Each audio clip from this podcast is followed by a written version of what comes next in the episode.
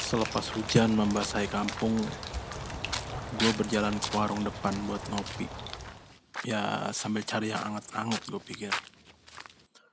Sambil ngobrol-ngobrol dengan yang lain, berniat sekalian cari kontrakan sementara. Orang di sebelah gue menawarkan sebuah rumah yang bisa dikontrakkan. Wah, pikir gue mantap dapat rumah. Jadi gue nggak dipetakan lagi. Tanpa berpikir panjang, gue langsung meminta orang itu menunjukkan rumahnya. Hmm, bapak baru ya di sini? Iya pak, jawab gue. Kenalkan, saya Ino. Sambil ngobrol, kami berjalan menyusuri rumah perkampungan warga, lalu melewati jembatan kayu.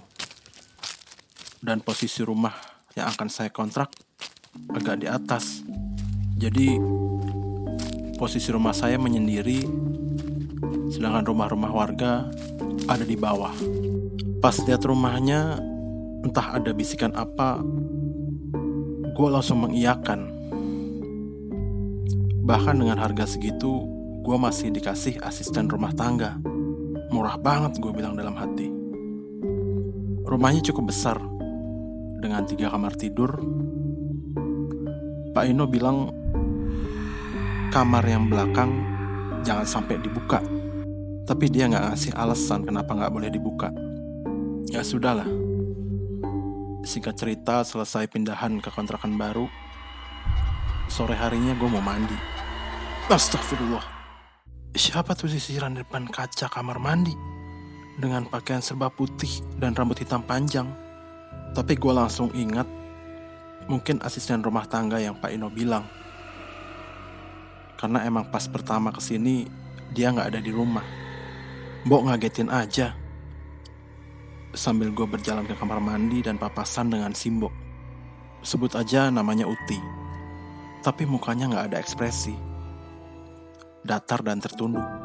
Di hari kedua, saat gue pulang kantor sekitar jam 7, pas sampai depan pintu tiba-tiba lampu mati. Wah, kacau. Gue langsung buka pintu berniat ambil senter di rak tengah. Sambil meraba-raba tembok, gue tersandung kayak ada badan yang menghalangi langkah gue. Bulu kuduk gue sesaat berdiri. Terasa berat langkah kaki gue.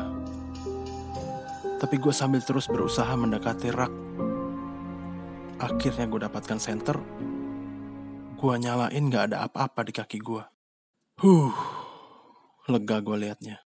Ternyata cuma halusinasi. Gue masuk kamar, gak lampa-lama nyala. Gue kaget lihat sosok sekelebat lewat pintu kamar yang setengah terbuka. Lampu mati lagi. Angin kencang melewati gua dan menutup pintu dengan kencang. Gue langsung duduk di pojok kasur sambil menutupi badan gue pakai selimut. Diterangi senter yang tadi gue bawa. Di tengah ketakutan gue, dari kamar belakang terdengar suara pintu diketok.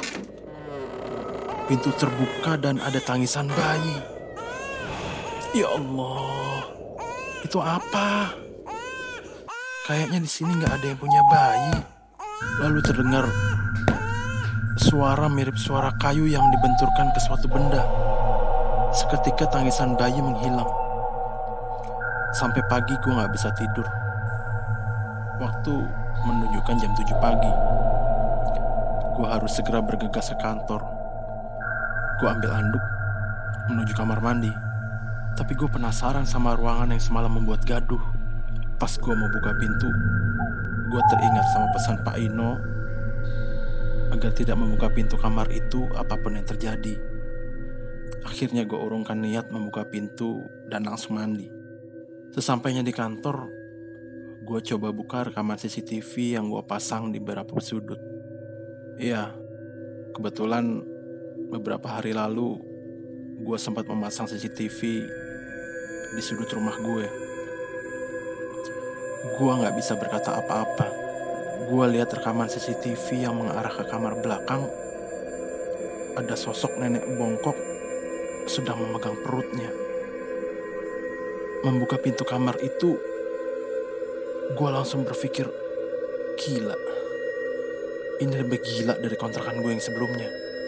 Gue terus perhatiin menit demi menit rekaman itu. Nggak berapa lama, nenek itu keluar dan seolah terbang ke atap. Tapi karena jangkauan CCTV terbatas, gue nggak lihat dia lompat ke mana. Yang jelas arahnya ke atas. Gue juga baru tahu dari CCTV, ternyata tiap sore Mbak Uti selalu ke kebun belakang. Ada apa ya? Rasa penasaran gue makin besar untuk membuka kamar belakang setelah melihat CCTV itu. Sabtu ini kebetulan gue libur. Gue sempatkan beres-beres rumah. Tapi dari pagi gue sama sekali belum lihat Mbak Uti. Ke mana dia? Gue cari ke dapur, nggak ada.